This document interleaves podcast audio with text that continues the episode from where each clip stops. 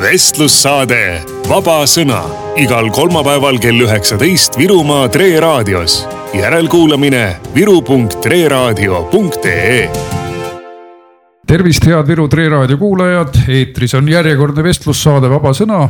mina olen saatejuht Anti Poolamets ja mul on täna stuudios Rain Epler. tervist, riigikogu liige Rain Epler ja Evelin Poolamets, samuti riigikogu liige ja hiljuti saanud ka uue ametikoha ehk Vinni valla volikogu esimees. tere kõigile. ja täna me räägime pingelisest olukorrast Riigikogus. kuidas läheb siis eelarve vastuvõtmise protsess või kuidas me seda õigupoolest hoiame surve all, et see nii kiiresti ja edukalt ei toimuks. ja saate teises pooles räägime ka olukorrast Vinni vallas, kuidas seal koalitsioon vahetus ja kui me jõuame, arvestades seda, et äh, täna on meil äh, ööistung plaanis ja mitmed eelnõud hääletamisel, siis räägime ka Eesti kahesaja viletsusest, äh, kuhu nad on oma pro projektiparteiga jõudnud. aga kõigepealt, Raul, sina lähed varsti Äh, Rain, sina lähed varsti kõnelema. räägi mulle, mis on meie mänguplaan täna, sest me tegelikult tegeleme ju riigieelarvega, aga me mõnevõrra tõmbame pidurit äh, peale ka äh, teistele eelnõudele. no jaa, tegemist on ikkagi selle obstruktsiooni jätkumisega, millega me ju tegelikult kevadel juba alustasime ja millest siis valitsuskoalitsioon väga jõuliselt üle rullis ja noh, täna tõepoolest on saalis äh, olnud eelnõud, mis puudutavad Eesti erinevate sõjaväeliste missioonide pikendamisi. ja noh, täna sai juba meediast lugeda ka noore reformierakondlase karjatust äh, teemal, justkui EKRE oleks kuidagi oht Eesti julgeolekule või vastu sellele, et me oma kaitsevõimet tugevdame, noh. nagu tavaks on saanud, reformierakondlased ei häbene valetada, kui neile selleks võimalus antakse, et. nagu kõik hääletused saalis täna on näidanud, on tegelikult riigikogu saal nagu ikka kaitse ja julgeoleku küsimustes olnud väga üksmeelne, mida me küll teeme.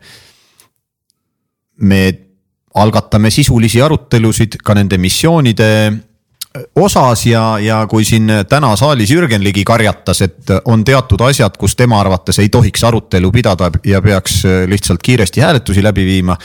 siis ma tegelikult täitsa sisuliselt vaidlen ka Jürgen Ligile vastu, et mina ei ole ju detailis kaitsevaldkonna ekspert ja täna on olnud tegelikult väga head küsimuste-vastuste voorud, mina olen palju targemaks saanud. minister õnneks ei ole ainult piirdunud eh, jah-ei vastustega, vaid, vaid ongi vastanud paljudele küsimustele, nii et, eh, et kaks asja. Neid missioone ei ole aastaid juba nii pikalt arutatud, et ma arvan, need inimesed, kes seda arutelu jälgivad, saavad ka sisu mõttes targemaks. aga teine asi on loomulikult see, et nüüd me oleme siis jõudnud faasi riigikogu töös, kus me mõtleme juba sellele, et valitsus ei saaks vastu võtta eelarvet ja, ja sellega seotud seadusi.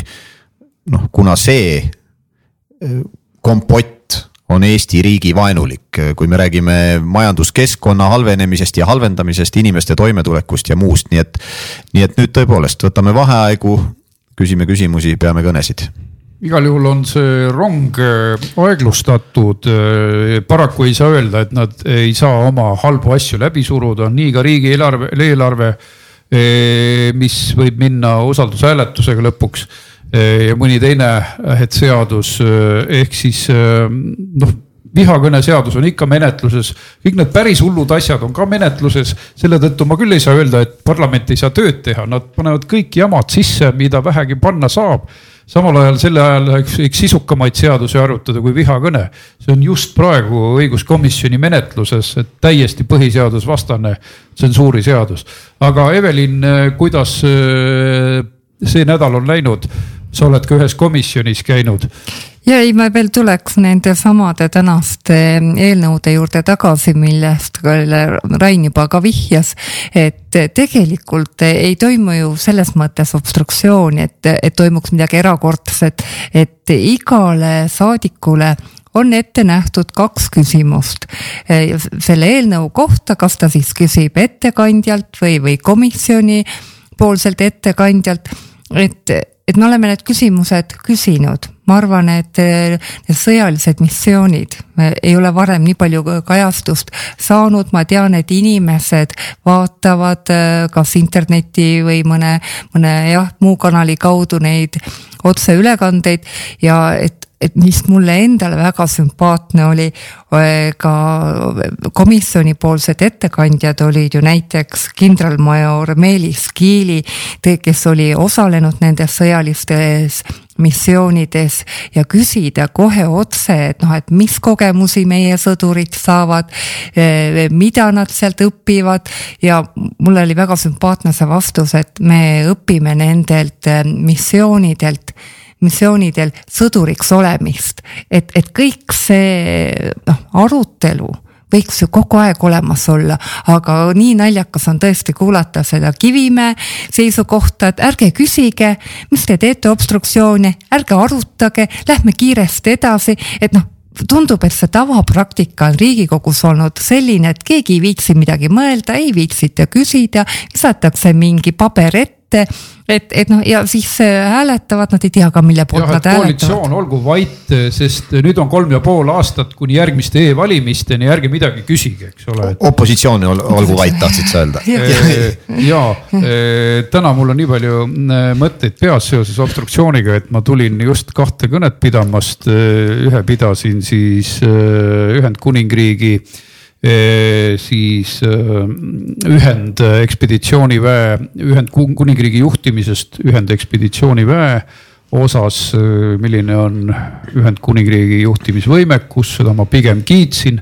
aga leidsin, et raha riigikaitsel on ikkagi vähe sellises olukorras, kus me praegu oleme ja seda ka Inglismaal ja, ja paljudes teistes Euroopa riikides Äh, nüüd Evelin, sina olid ka komisjonis, kus me andsime nüüd päris obstruktsioonilisi muudatusettepanekuid ka sisse mida sa seal nägid ja kuulsid? ja meil on tõesti hästi-hästi kiire nädal olnud, on nüüd siis lõpusirgele jõudnud mõned eelnõud, nii obstruktsioonilised kui ka muudatusettepanekud on olnud obstruktsioonilised ja komisjonides on ka väga olulised seadused tulnud, mis hakkavad meie kõigi elu lähitulevikus tugevasti eh, mõjutama.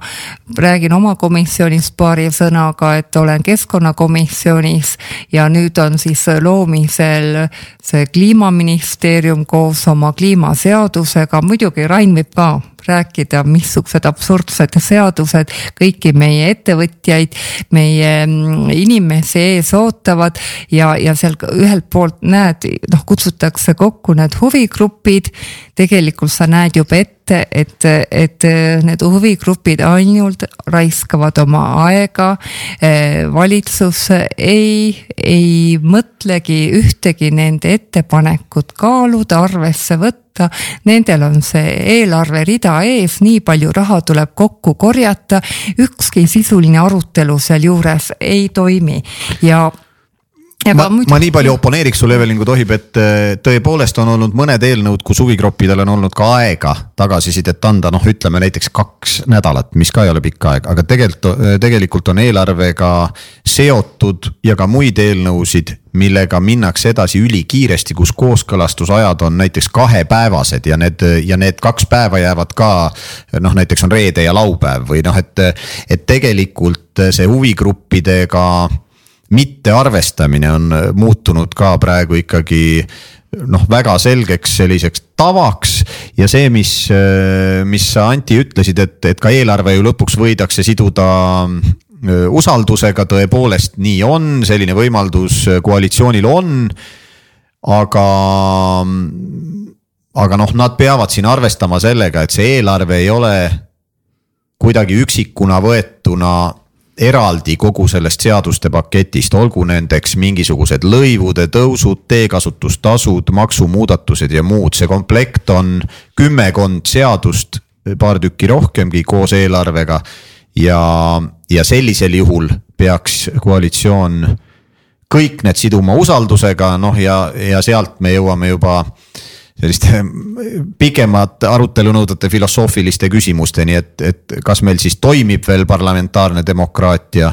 mida teeb president sellises olukorras, kui noh, ainukeseks töömeetodiks muutubki usaldusega sidumine ja veel kord me oleme kogu aeg öelnud, et arutagem sisulist kompromissi selleks ei ole koalitsioon siiamaani valmisolekut näidanud, nii et. mitte ühtegi eelnõud ei ühtegi. ole nad olnud nõus ümber tegema. ega tuletame meelde, et kevadel oli usaldushääletusega seotud, kas oli kaks-kolm no kuus ikkagi kuus oli lõpuks, ikkagi jah, kuus oli lõpuks, aga nüüd siis enne seda eelarve vastuvõtmist on, ma võin jälle mõne numbriga eksida, on kaksteist eelnõud, mida siis äh, püütakse või tahetakse siduda usaldushääletusega, ehk siis äh, ma ei tea, tuleb Karisel mingi eriti maraton maratonseaduste väljakuulutamine et.... midagi ei ole teha, asi on selles, et tegelikult parlament saab toimida, erinevalt sellest, mida nad räägivad, nagu ma ütlesin, et nad panevad kõige hullemad põhiseaduse vastased eelnõud julmalt sisse.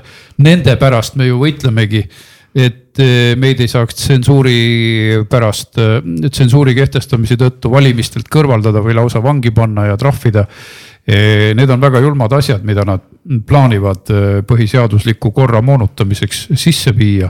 Äh, aga mm, praegu me oleme muidugi pannud siis tempo väga kõrgeks sellepärast, et eelarve vastuvõtmine oleks võimalikult raske eelarvelahingud käivad muidu igal aastal, mitte ainult nüüd, aga nüüd me oleme selles mõttes ka karmid, et noh, nii karmi põhiseaduse ründamist nagu noh praeguse Kallase valitsuse ajal mul tegelikult ei tulegi meelde. noh, väga suur ründamine oli minu meelest kahe tuhande kolmanda, neljanda, viienda aasta paiku, põhiliselt ikka siis, kui on Euroopa Liidule vaja võimu üle anda. Eriti siis veel, kui saaks aluslepingutest kõrvale hiilida, et seda on nähtud küll ja küll et siis on väga pingelised põhiseaduse vastased ründed käsil. no mina näen siin igal pool sellist arrogantsi, sellist Reformierakonna arrogantsi, et, et kasvõi nii huvigruppidega suhtlemisel ka need kooskõlastustele, ähm, kooskõlastuse ajad, et, et tuuakse põhjendusega, et noh, kiireloomuline, et me, et, et sõidetakse ka üle nende tavapärastes töökavadest, et kuidas seadust ette võetakse, et, et öeldakse, et kiireloomuline et, et selline arrogants ja mingi teerullimeetod, et, et meid ei huvitagi teie arvamus, et noh, samas kui neid, neid arvamusi ei plaanitagi arvestada, siis ongi võib-olla isegi eetiline mitte lasta neid nii pikalt ette valmistada no,. igal juhul, äh, igal juhul sellel on hind, et pettusega võimule tulekul on hind, seda peavad kõik järgmised valitsused teadma, et mäletame, et äh, Reformierakond kuulutas ise, kui me räägiksime tõtt enne valimisi.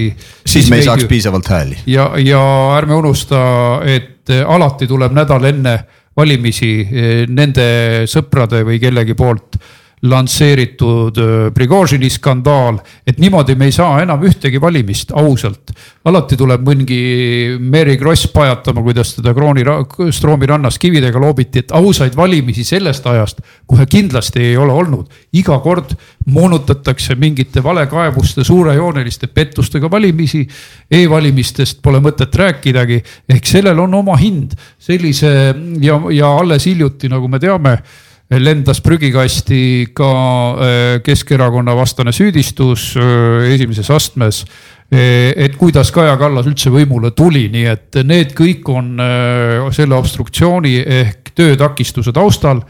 me saame takistada piiratult, mitte täielikult aga see elu ei peagi kerge olema Kaja Kallase valitsusel, eriti nendes oludes, mida ta kõik on lauale pannud paari asja tahtsin kommenteerida, üks, mis puudutab seda kõike, Antiga me koos oleme Euroopa Liidu asjade komisjonis, seda, neid kõiki algatusi, mis Euroopast tulevad, seal tõepoolest ma ei mäleta viimasel ajal, et oleks tulnud mõni algatus kus ei kuritarvitataks äh, niinimetatud subsidiaarsuse printsiipi.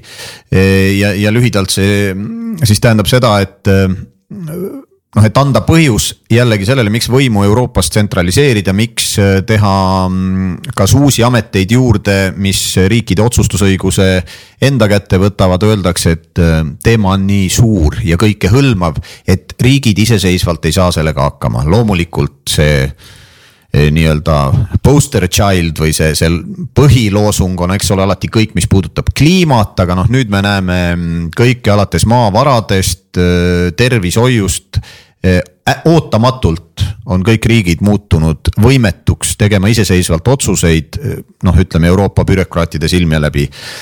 ja, ja kõik võim tuleb tsentraliseerida. see nüüd, Evelin, mis sa rääkisid arrogantsist, täiesti nõus sinuga, seda, seda arrogantsi kiirgab ka siin saalis sageli. aga ma ei välistaks ka sellist väga küünilist ja Reformierakonnale omaselt küünilist pragmaatilist kalkulatsiooni teeme kõik halvad asjad kohe selle valitsemistsükli alguses ära ja loodame, et valimisteks on rahvas selle unustanud nii nad ju ise... proovisidki, nad tahtsid selle sisuliselt pooleteise kuuga ära teha Just, kevadel. sellepärast lükati esimese asjana letti abielu, abielu... moonutamise Just. seadus abielu perverteerimise seadus. aga nad tahtsid vihakõnega umbes sama kiiresti teha ja tänu sellele meie venitamisele oleme me suutnud seda teemat päevakorras hoida ja ühiskond on hakanud aru saama, mida nende suhtes plaanitakse. muidu oleks olnud kiire löök terve koera saba oleks korraga raiutud, aga nüüd nad peavad viilutama ja koeral on valus. just, vihakõne eelnõus oli ju kehtima hakkamise kuupäev esimene november. noh, tõesti peab ütlema, et õnneks me oleme juba täna kaheksandas novembris ja saalis veel tõsist arutelu ei ole kätte jõudnud. ja, ja sellel on olnud mõju ja mis puudutab nüüd seda lootust unustamisele, siis tõesti noh. Eesti lähiajalugu näitab, et inimesed tihtilugu on unustanud. aga, aga võib-olla on olnud lihtsam ka unustada tänu sellele, et teemad on olnud väga lühiajaliselt pildis ja ei ole olnud nii massiivsed, et et mina küll loodan, et seekord reformierakondlaste kalkulatsioon ei pea ja, ja rahvas ei unusta seda, noh ja arvestades ka seda, et enne järgmisi parlamendivalimisi on on siin vahepeal tulemas Europarlamendi valimised ja sellele järgnevalt kohalikud valimised ja siis ongi aasta veel. noh, ma arvan, need vahepealsed valimised kindlasti hoiavad neid teemasid kuumana. ja, ja tegelikult ma loodan, et et see koalitsiooni tervis on nüüd ikka nii piisavalt nõrk, et me lõpuks jõuame tänu meie survele selleni, et hakatakse sisulist kompromissi otsima. ja, ja ma küsin veel eh, selle nädala eh, sündmuste kohta ehk me, ehk me siis eh, töötame, ma arvan, kuni detsembrini ikkagi väga kõrges tempos just sellesama eelarve teemadel, et ja meie strateegiline eesmärk on tegelikult erakorraliste valimiste esilekutsumine ja, et Martin, Martin Helme ka juba rääkis, et Kaja Kallas on kohtumisel temaga juba natukene leebem ja, ja ei ole enam nii ülbe, millest võib arvata, et nad juba ka on aru saama hakanud või, või on jõudnud nende teadvusesse võimalus, et äkki tulevadki erakorralised valimised, et, et jah, et see selline võib olukord olla ja. Ja äh, suur tänu, Rain Epler. aitäh kutsumast. me täna teemegi lühema saate, sellepärast et äh, me jõuaks oma pika päeva kaasa teha ja Evelin, äh, me lähme edasi järgmise teemaga ehk sündmustest Vinni vallas. õnnitlen sind volikogu esimeheks valimise puhul. ja suured tänud, kõik on veel päris alguses, et, et see volikogu esimeheks valimine toimus nüüd eelmisel nädalal neljapäeval ja uue koalitsiooni siis moodustavad Isamaa, Keskerakond ja EKRE. mul on väga hea meel, et, et me oleme noh, suutnud ka vallainimestele näidata, et, et me oleme koalitsiooni tähendab, me olime opositsioonis väga koostöövõimelised ja meie kriitikat ja, ja ka ettepanekuid võeti, võeti arvesse. Ja nüüd, kui Keskerakond siis uue valitsuse moodustas, kutsus ta valitsusse nii, nii EKRE kui ka Isamaa ja noh, ikka on küsitud, et eriti ajakirjanikud, et kuidas siis on võimalik üheaegselt olla nii riigikogus kui ka volikogus siis teadupärast on Riigikogus iga neljas nädal vaba ja kuna ma igapäevaselt üle päeviti ikka Kulinale ja Vinni valda satun, siis ma olen ka Vinni valla asjadega kursis. ja lisaks veel oli üks hästi huvitav küsimus ajakirjanikule, et, et kui sa oled opositsiooni eh, saadik eh, Riigikogus, et kas see nüüd nagu mõjutab ka noh, nii-öelda omavalitsuse tegemist, siis võib öelda, et, et noh, kui ma vaatan, meil on ju teisigi volikogu liikmeid Riigikogus ja ka volikogu esimehi, aseesimehi, siis teatud küsimustes on see tunne, et eri, et oma särk on lähemal ja, ja saadikud noh, seisavad selle eest, et et omavalitsusele oleks rohkem vahendeid, et omavalitsuse noh, praegusel hetkel tundubki, et kogu see Reformierakonna valitsus töötab meetodil, et on kaks oma, on ainult üks omavalitsus või, või kuidagi see vastandumine toimub et riik versus omavalitsus. Ja see omavalitsus, mida Kaja Kallas näeb,